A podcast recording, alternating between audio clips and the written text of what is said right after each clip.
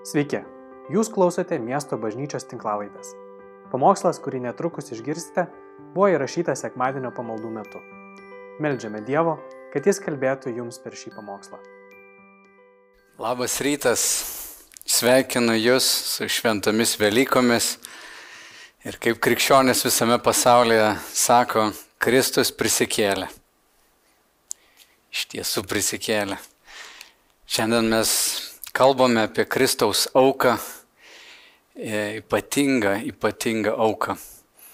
Ir baigiam šį pamokslo ciklą Jėzus geriau už viską. Mes nepakalbėsim apie visą laišką ir paskutiniuosius skyrius, kur yra daug paraginimų, kaip mes turėtumėm gyventi ir kaip išstovėti iki galo. Bet šiandien Velykų proga gera pamatyti, kas įvyko ant kryžiaus ir kas įvyko po to, kai Jėzus prisikėlė trečiąją dieną, kas įvyko su juo tada. Tai šventasis raštas ir šitas laiškas hebrajams leidžia mums pažvelgti tai, ko jokio žmogaus akis neregėjo. Tai, kas buvo apaštalams apreikšta kaip ta didžioji paslaptis. Mes tiesiog žvelgiam į Senąjį testamentą ir matom to šešėlius ir iš šešėlių skaitom tai, kas yra tas tikrasis dalykas. Ir šiandien kalbam apie tikrąjį dalyką. Kodėl Jėzui reikėjo mirti? Kodėl toks drastiškas būdas Dievui atsiųsti savo viengimi sūnų ir jį nubausti už mus visus? Problema, žinoma, yra žmogaus kaltė arba nuodėmė, netikėjimas kaip didžiausia nuodėmė, kuris įslinko į žmogaus gyvenimą dar pačioj pradžioje dar Edeno sode, kai Adomas nebetikėjo Dievu, kas jis yra, jis tiesiog pagavo tą iškreiptą paveikslą ir nusprendė pasirinkti kitą kelią. Ir po Adomo visi žmonės, kurie gimsta, jie jau ateina su tokiu nepilnavertiškumo jausmu arba su, su gėdos jausmu, su kalties jausmu. Ir psichologijos mokslas yra daręs daugybę tyrimų apie gėdą, apie kaltę. Ir net maži vaikai, kur, kur, kurie dar nemoka net kalbėti. Vieną eksperimentą aš skaičiau, rodo, kur vaikas sėdi kėdėje ir mama įeina linksmai kambarį ir vaikas iškart sureaguoja į mamos džiaugsmą, jisai toks laimingas, patenkintas, seka ją savo akimis. Bet kitą kartą mama įėjus į kalbasi telefonu ir vaikas tikisi, kad vėl susilauks mamos žvilgsnio, dėmesio, meilės, jo negavęs, jis pasijunta, kad kažkas yra ne taip, jo akis nusvyra į žemę, kaklas nulinksta ir jis pasijunta, kad kažkas su juo netvarkoja. Mama kažkaip kitaip sureagavo į jį ir kažkas jame jau yra pažeista. Ir žinoma, mes su tokiu na, kalties ar gėdos jausmu einam per gyvenimą ir kartais mums kiti žmonės per įvairias patyčias, per lyginimąsi, per pastabas pasako daug dalykų, kurie na, mus irgi prislėgia bet tai yra na, nesvetima patirtis. Netgi žymiausi žmonės jie išgyvena tai. Aš skaičiau Vogue žurnalo ištrauką internete, radau apie Madoną. Tai tie, kurie esat labai jauni, gal net nežinot, kas Madona yra, bet tokia pop žvaigždė, kuri nuolat atsinaujina. Štai ką jinai pasakė, sako, mano gyvenimo potraukis kyla iš baimės būti vidutinybė. Tai mane visada stumia į priekį.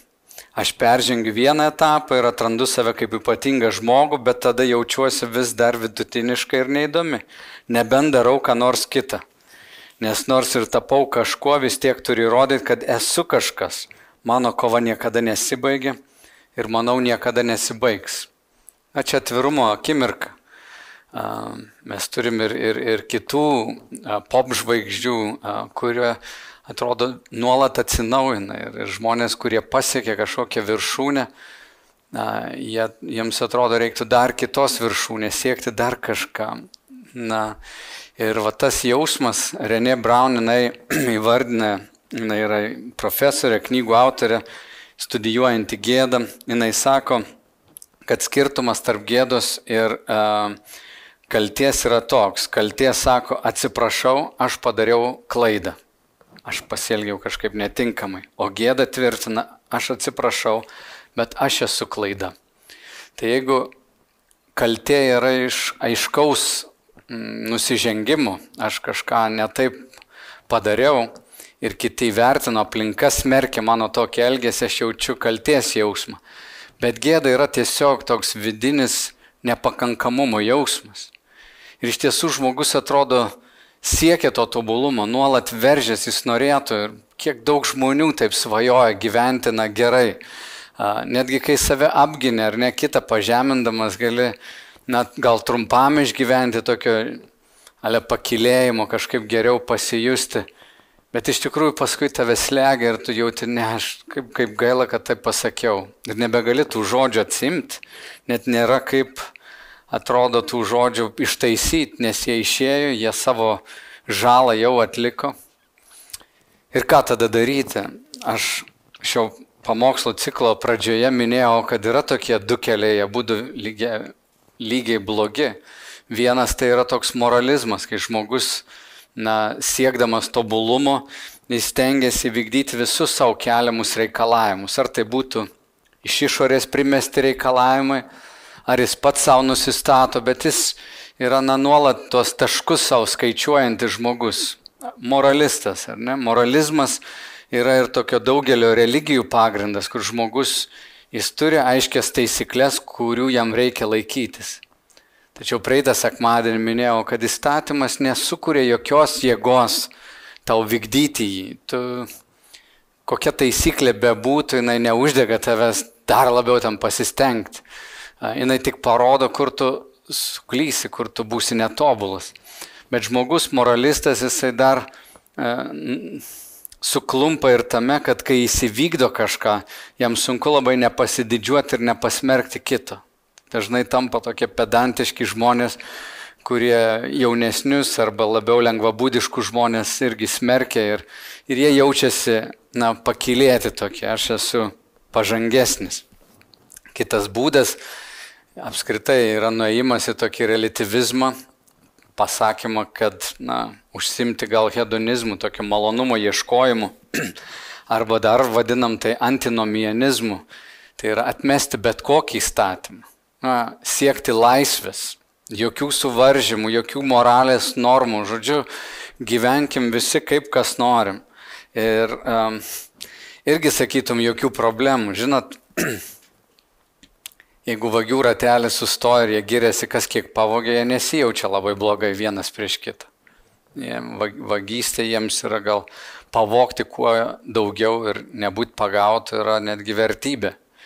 Bet tik pastatyk vagį prieš teisėją su antrankiais ir jis jau turi baimės jausmą. Jisai žino, kad gali atsidurti už grotų ir, ir, ir jau jis turi problemą. Tai žmogus, kuris pasako, kad man nėra jokių ribų, aš ne prieš ką nenoriu atsiskaityti, mm, gyvena visiškai palaidai, atsidūręs Dievo akivaizdai, jisai patirs baimę, jisai negalės pasidžiaugti su savo draugeliais ir pasakyti, kaip aš laisvai gyvenau. Yra tam tikri standartai, nebent žmogus sako, Dievo nėra ir jam atrodo, kad nieks negroja, viskas yra gerai. Jeigu žmogus negyvenam žinai, tai tada gyvenk ir žvenk, e, valgyk, linksminkis, nes rytoj visi mirsim. Bet Evangelija žinia yra ta gražioji žinia, kad mes nesame tobuli, mes negalime vykdyti visų įsakymų, visų, įsakymų, visų įstatymų. Bet yra tas, kuris už mus įvykdė įstatymus, visus įstatymus, buvo tobulas ir patyrė bausmes už mus. Jis atsistojo prieš teisėją. Taigi tai yra Evangelija. Na ir šiandien kalbam iš laiško Hebrajams 8, 9 ir 10 skyriaus. Labai raginu jūs skaityti šitą laišką ir patiems viską perskaityti, nes aš negaliu visų eilučių čia ir aiškinti ir mokyti, bet perbėgsim po truputėlį. Taigi aštuntas skyrius nuo pirmos eilutės sako štai ką. Bet iš to, ką sakome, svarbiausia yra štai kas. Mes turime tokį vyriausiai kunigą, kuris danguje atsisėdo didybės sosto dešinėje ir tarnauja šventykloje bei tikroje palapinėje, kurią pastatė ne žmogus, o viešpats. Ir čia mes matom Jėzų, kuris šiandien patarnauja. Mes turime vyriausiai kunigą, kuris šiandien yra Dievo tėvo dešinėje, prisikėlęs viešpats. Ir jis yra toj tikrojoj um, palapiniai. Jėzus yra amžinas kunigas amžinoje šventykloje, ne taip kaip Mozė ir Araonas, kurie tarnavo susitikimo palapinėje. Taigi įstatymas ir šventykla, kaip sakiau, yra tik tais būsimųjų gerybių šešėlis, o ne pats dalykų vaizdas. Dešimtas skyrius pirmą eilutę taip sako. Taigi, kaip atrodė ta šventikla, kai kurie gal net e, nestudijavot, nematėt e, paveikslo apie tai, kaip atrodė e, žydiška susitikimo palapinė, tas tabernakulis, kurį Dievas parodė Mozė ant kalno ir sako, padaryk viską tiksliai, kaip matei. Taigi Hebrajams 9 skyrius sako štai, kad ir tu gali pažiūrėti tą paveikslą, kaip atrodė susitikimo palapinė. Tiesa ir pirmoji sandora turėjo tarnavimo Dievui potvarkius ir žemišką šventyklą buvo įrengta palapinė, priešakinė dalis, kuri, kur buvo žvakidė, stalas ir padėtinės duonos kepalai vadinosi šventoji. Už antrosios uždangos buvo palapinės dalis vadinama šventų švenčiausiai.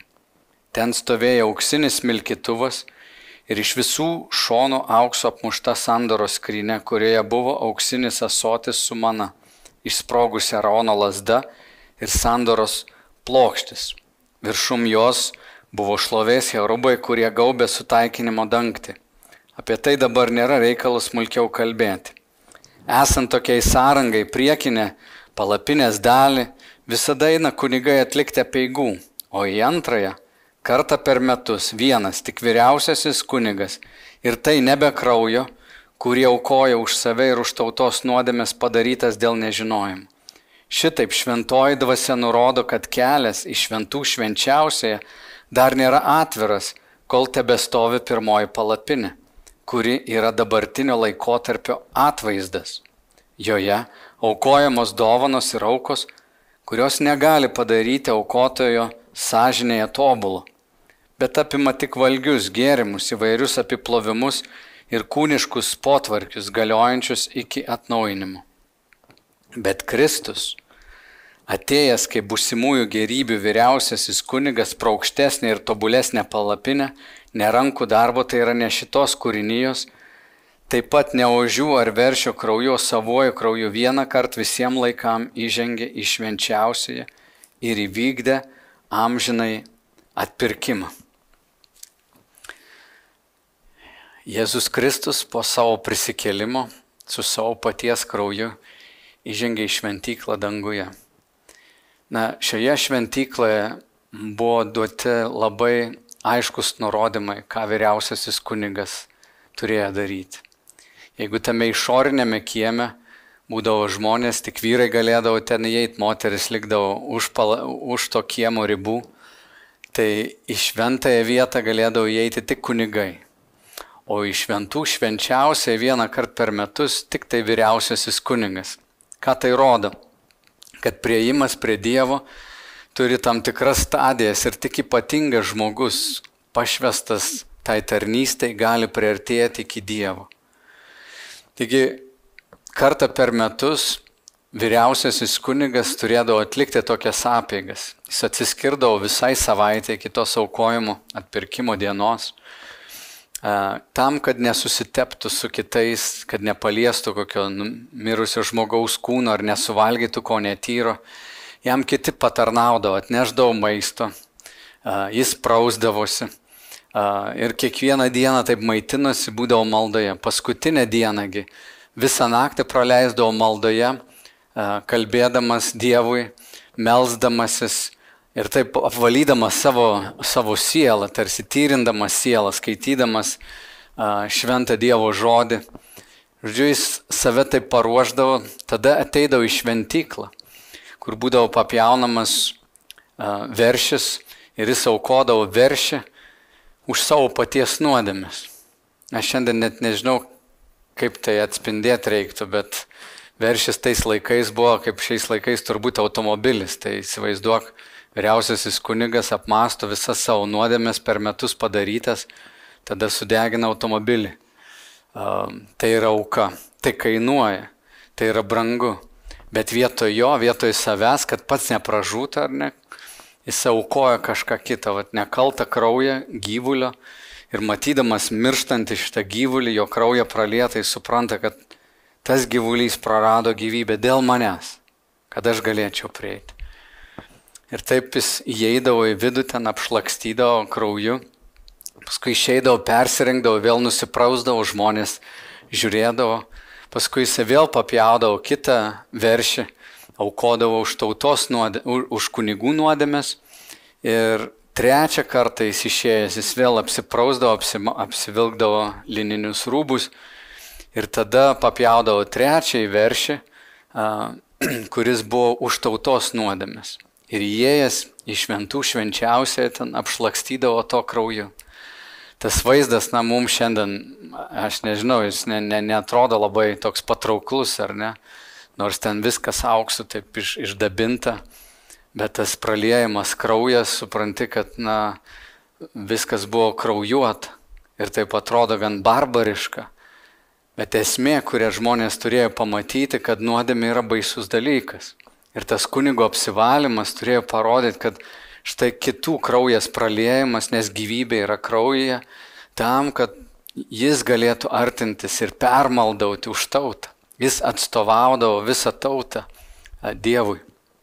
Po to išėjęs papjaudavo ožį, jo krauju vėl apšlakstydavo, o kitą ožį paėmęs apviniodavo ten apie kaklą tokią, vilną, pamirkytą kraują ištardavo visos tautos ten nuodėmės ir išleisdavo tą ožį už stovyklos ribų. Kai kurie žmonės prižėdavo, kad jis negrįžtų atgal į stovyklą, tai toks kaip prakeikimo ženklas, bet jis ožys turėjo išnešti visas tas nuodėmės už stovyklos ribų, kad kur nors nukristų nuo kokios solos ir pražūtų. Ir tai buvo simbolis, kad nuodėmė yra išnešama iš tautos tarpo. Ir iš to mes turim tą atpirkimo ožio posakį, tokį jis tapo atpirkimo ožiu. Kažkas, kas prisėmė tas kaltes. Tai kai žvelgi va į tą paveikslą, tau vieną darosi aišku, kad Dievo standartai yra labai aukšti. Ir kunigas turėdavo apsivalyti. Tai visas tas pasiruošimas rodo, koks yra didelis atstumas tarp Dievo ir žmonių. Pamenį sakiau, kai vagis stovi tarpusavyje, nesijaučia kalti dėl to, kad jie vagia. Bet prieš šventą Dievą viskas keičiasi. Ir šventas Dievas jisai na, turi išlaikyti tą atstumą, nes žodis sako, niekas negali pažvelgti Dievui į akis ir likti gyvas. Žiūrėk, net ir mes, jeigu sutinki kokį žmogų, kuris automobilį remontavo ir tau duoda dešinę paspausti, pasižiūri, jinai purvina, tu sakai, na, galva taip. Arba dabar mes kumšti duodam, žodžiu, mes palaikom atstumą, kad nesusiteptumėm, kad gal neužsikrėstumėm. Jeigu kiam žmogui iš burnos klinda blogas kvapas, tu irgi gal nieko nesakai, bet atsitrauki. Tai Dievui mūsų nuodėmės, mūsų ego, mūsų susireikšminimas a, irgi smirda.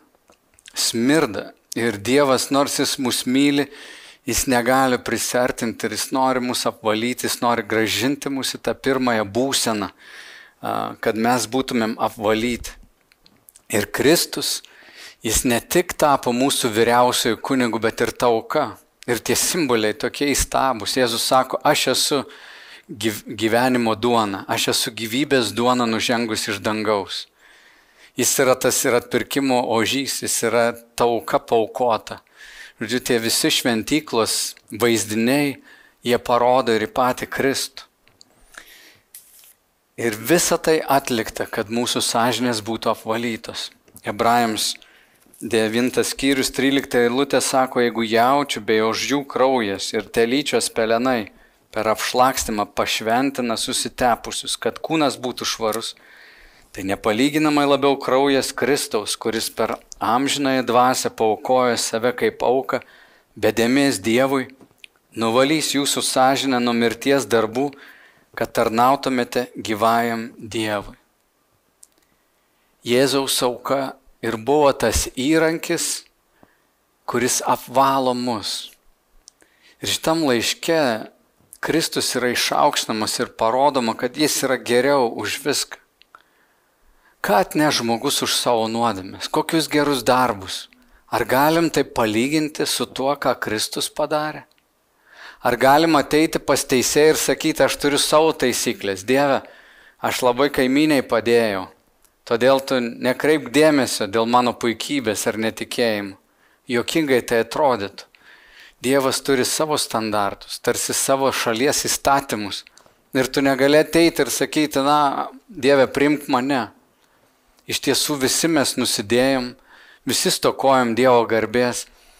Ir tikintysis arba krikščionis nėra kažkoks ypatingas žmogus, jam tiesiog atleista. Jis tiesiog pasirinko šitą kelią. Ne moralizmo, nebandyti savo darbais užsitarnauti pas Dievą taškų ir nebandyti pasileisti kažkur. Jis tiesiog sako, aš nesu tobulas, aš esu nuodėmingas.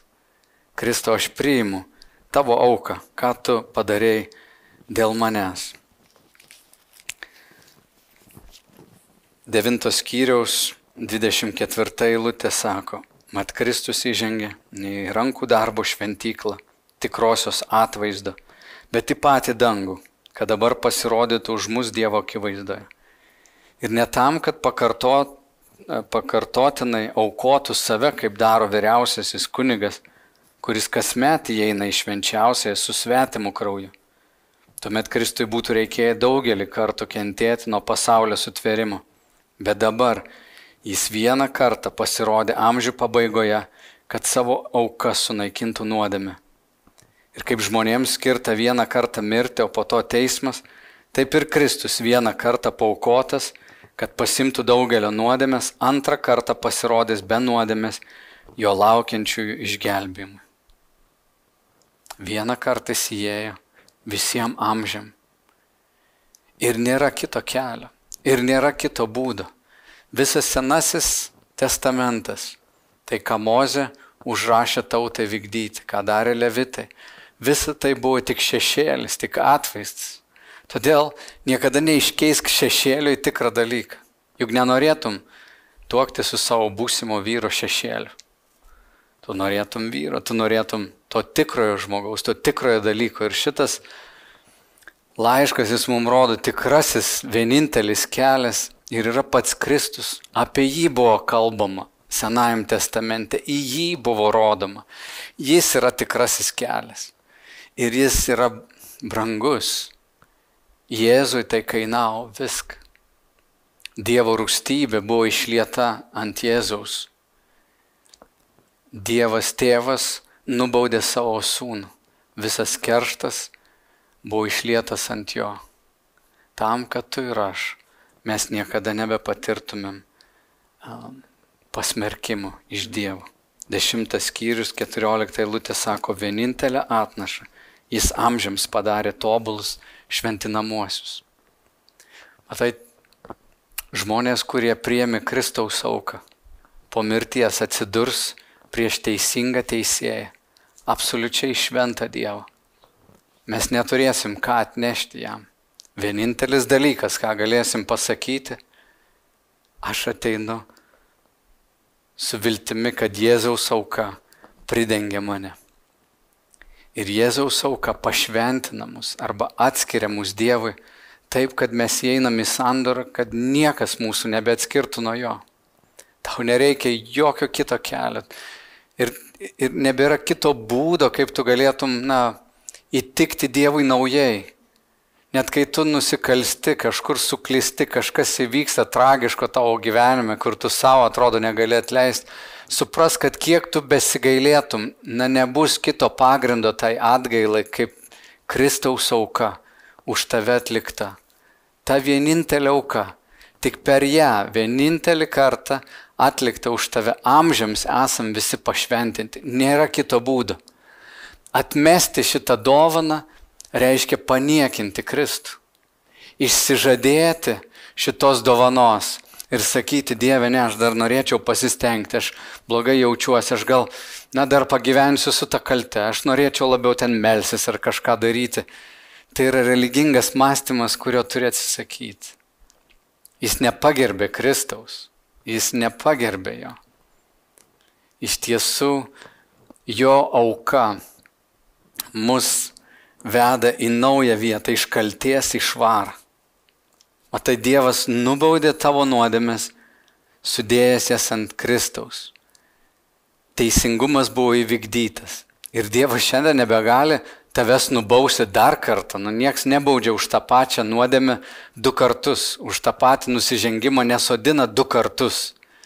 Jeigu kitas paėmė tavo vietą, tai tu esi laisvas. Čia ir yra geroji naujiena, tu esi laisvas, nes Kristus atkentėjo ir Dievas nebegali tavęs nubausti.